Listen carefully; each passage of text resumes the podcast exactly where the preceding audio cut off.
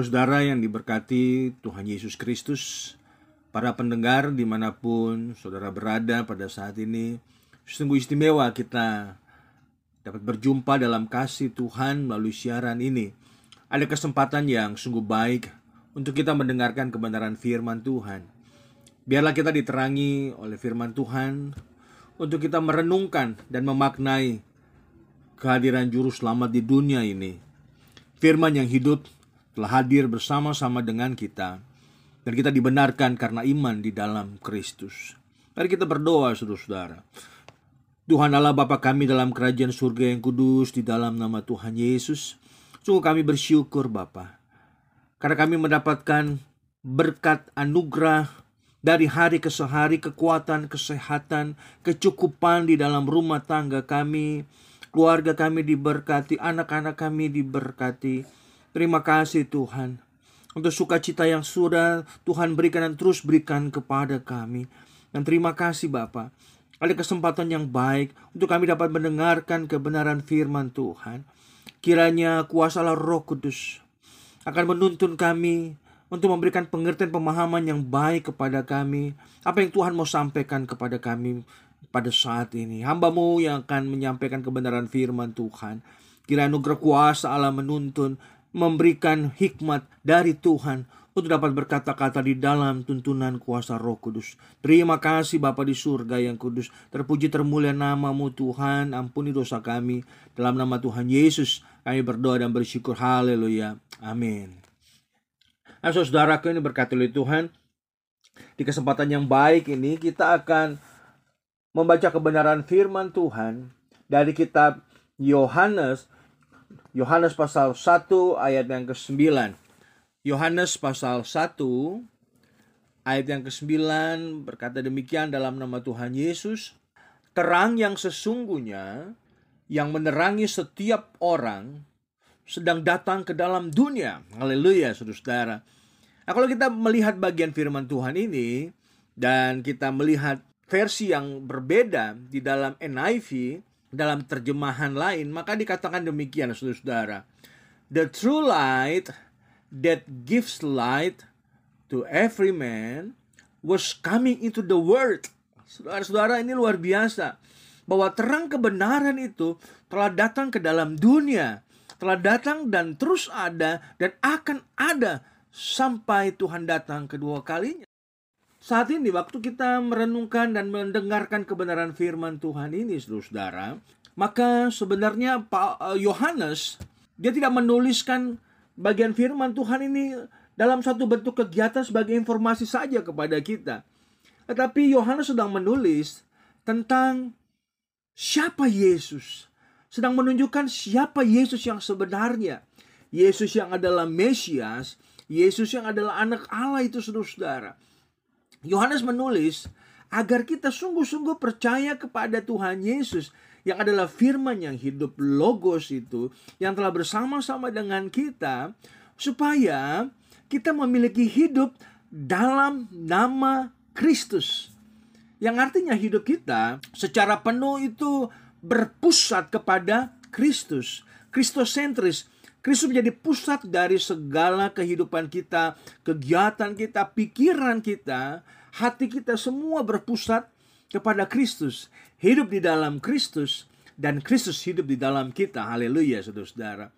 Kalau kita melihat lebih lanjut lagi dari tulisan Yohanes ini, maka sebenarnya Yohanes sedang menarik kita, sedang mengajak kita untuk memiliki ikatan pribadi secara intim dengan Kristus, mengenal Kristus secara baik, secara benar dan mengetahui apa misinya Kristus bagi kita saudara-saudara.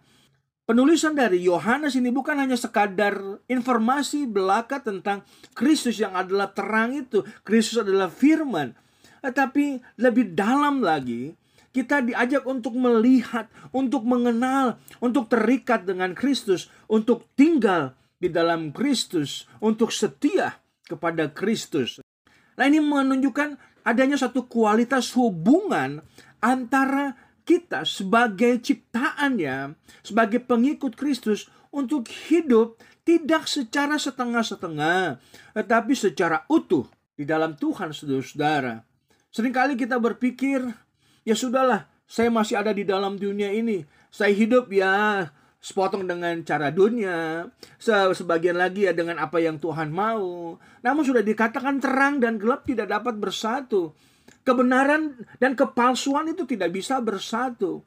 Pengkhianatan itu tidak bisa menjadi bagian dari satu kualitas hubungan antara kita dan Kristus. Kita mau menerima hidup dalam Kristus, maka kita menolak dan tidak kompromi dengan apa pun yang tidak benar di dalam dunia ini, saudara-saudara. Ketika kita melihat kebenaran firman Tuhan ini, saudara-saudara, maka kita memperhatikan dengan baik bahwa tujuan dari Yohanes menyampaikan, menuliskan, mengajak kita melihat kebenaran firman Tuhan ini agar kita memiliki kehidupan dalam nama Yesus. Nah, pertanyaan bagi kita, mengapa kita harus memiliki kehidupan dalam nama Yesus?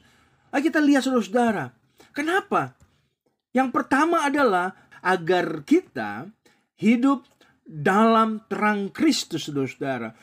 Kalau kita memperhatikan sejak masa penciptaan dari kejadian satu, maka sudah dikatakan bahwa terang itu hadir. Terang itu ada sejak dalam masa penciptaan melalui kebenaran firman Tuhan, melalui firman Tuhan itu sendiri. Dan ini menunjukkan bahwa sebagai orang yang percaya kepada Kristus, kita harus hidup di dalam terang Kristus. Kenapa saudara-saudara? Karena kita lihat lagi hidup kita ini hanya untuk Kristus. Berpusat, pusat hidup kehidupan kita adalah kepada Kristus. Kita hidup di dalam Kristus. Kristus harus hidup di dalam kita. Kristus hidup dalam kita. Maka kita harus menghadirkan terang Kristus itu saudara-saudara. Terang dan gelap. Sesuatu substansi yang terpisah saudara-saudara. Kegelapan berarti ketiadaan cahaya. Dan bagaimana kalau kegelapan itu terjadi dalam diri kita? Cahaya terang Kristus tidak hadir lagi di dalam diri kita karena kita senang dengan kegelapan. Dengan kuasa kegelapan, kita senang dengan cara dunia. Sehingga sinar cahaya Kristus yang tadinya bertakhta secara penuh, secara perlahan mulai sirna. Terang itu dikalahkan oleh kegelapan yang menguasai hati dan pikiran kita. Saudara-saudara yang diberkati oleh Tuhan, cahaya terang Kristus dapat bertata secara penuh ketika kita mau hidup betul-betul sungguh-sungguh di dalam kebenaran firman Tuhan. Ini bagian yang penting bagi kita dan menjadi perhatian bagi kita saudara-saudara. Dan selanjutnya, mengapa kita harus memiliki kehidupan dalam nama Yesus saudara-saudara? Yang kedua adalah agar kita hidup dalam kebenaran Kristus. Haleluya. Hidup dalam kebenaran merupakan tanda tanya saudara-saudara. Bukankah sering kali kita ditolak karena berbicara dan bertindak dalam kebenaran? Orang merasa sering kali zaman saat ini begitu aneh melihat orang-orang yang tetap mau hidup dengan kebenaran, berbicara yang benar, bertindak dengan benar. Bukankah sering kali terjadi penolakan? Kita ditolak Kristus yang adalah Tuhan, Sang Juru Selamat, datang kepada milik kepunyaannya. Tetapi milik kepunyaan itu tidak menerimanya, saudara-saudara, menolak Kristus. Kenapa? Karena yang hadir adalah kebenaran. Mereka yang hidup dalam kebenaran Kristus adalah mereka yang menerima dia, saudara-saudara. Dan inilah nasihat penting Yohanes kepada kita tetapi kepada semua orang yang menerima dia, yang percaya dalam namanya, dalam nama Kristus, saudara-saudara, diberinya kuasa untuk menjadi anak-anak Allah. Nah, menjadi anak-anak Allah berarti kita menjadi anggota keluarga. Keluarga Allah, saudara-saudara, menjadi anak-anak Allah yang tak terpisahkan dari kasih Allah. Ini berarti menunjukkan bahwa kita memiliki cara hidup yang berbeda dari dunia. Memang kita hidup di dalam dunia, tetapi hidup kita berbeda karena kita memiliki hidup di dalam Yesus, di dalam Kristus. Dan firman itu telah menjadi manusia dan tinggal di antara kita dan kita telah melihat kemuliaannya. Kemuliaan siapa? Kemuliaan Kristus, kemuliaan yang menjadi terang dunia. Ketika dikatakan kemuliaan Allah, maka itu menunjukkan kasih karunia yang penuh dan kebenaran yang utuh saudara-saudara. Kebenaran yang penuh dengan kasih, kasih karunia yang benar dan bukan hanya omong kosong belaka. Kita katakan tong kosong nyaring bunyinya, bukan ini saudara-saudara. Tetapi kita hidup dalam kebenaran. Berarti kita menjauhkan diri kita dari segala hal-hal yang mengikat kita di dalam dunia ini. Bukan menjadi orang yang begitu gampang sekali menghakimi. Dan tidak hanya sekedar menyampaikan rasa amarah yang menggebu-gebu tetapi kita menyampaikan kasih di dalam kebenaran hidup kita di dalam kasih karunia kebenaran Kristus. Nah, saudara selanjutnya, mengapa kita harus memiliki kehidupan dalam nama Yesus? Yang ketiga adalah agar kita menjadi saksi terang Kristus. Dikatakan bahwa kita menjadi saksi terang Kristus. Ini penekanan Yohanes bagi kita, saudara-saudara. Yohanes menekankan pentingnya kita menjadi terang Kristus yang jujur, sehingga kita dapat dipercaya oleh orang lain. Apakah kita menjadi saksi terang yang jujur di rumah tangga kita, bagi istri, bagi suami, bagi anak-anak kita, atau ada kebohongan antara kita, antara suami dan istri? Suami tidak jujur, suami memiliki seseorang yang lain di luar uh, rumah tangganya.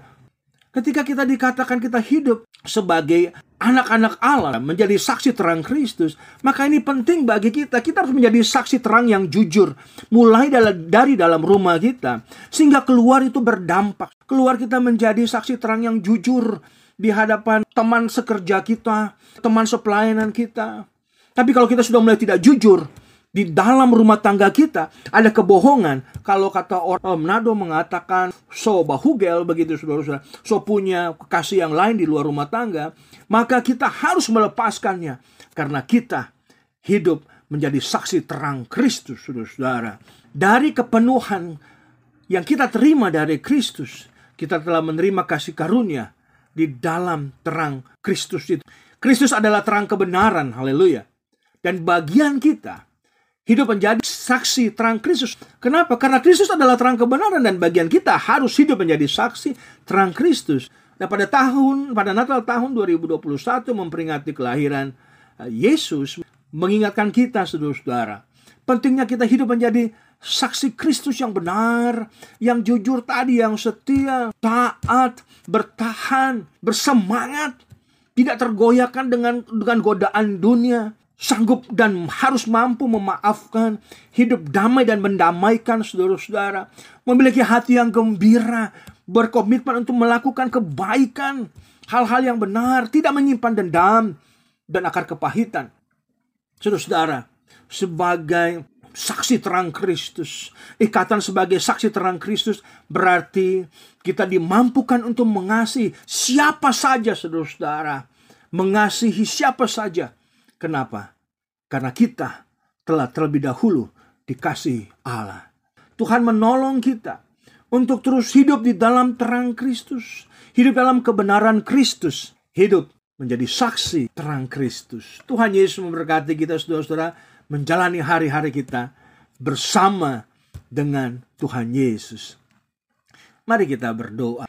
Tuhan Allah Bapa di surga yang kudus, kami telah mendengarkan kebenaran firman Tuhan pada saat ini. Kiranya apa yang kami dengarkan Tuhan dimeteraikan di dalam kehidupan kami menjadi rema yang hidup, rema yang bertata secara penuh yang kami mau lakukan untuk Tuhan.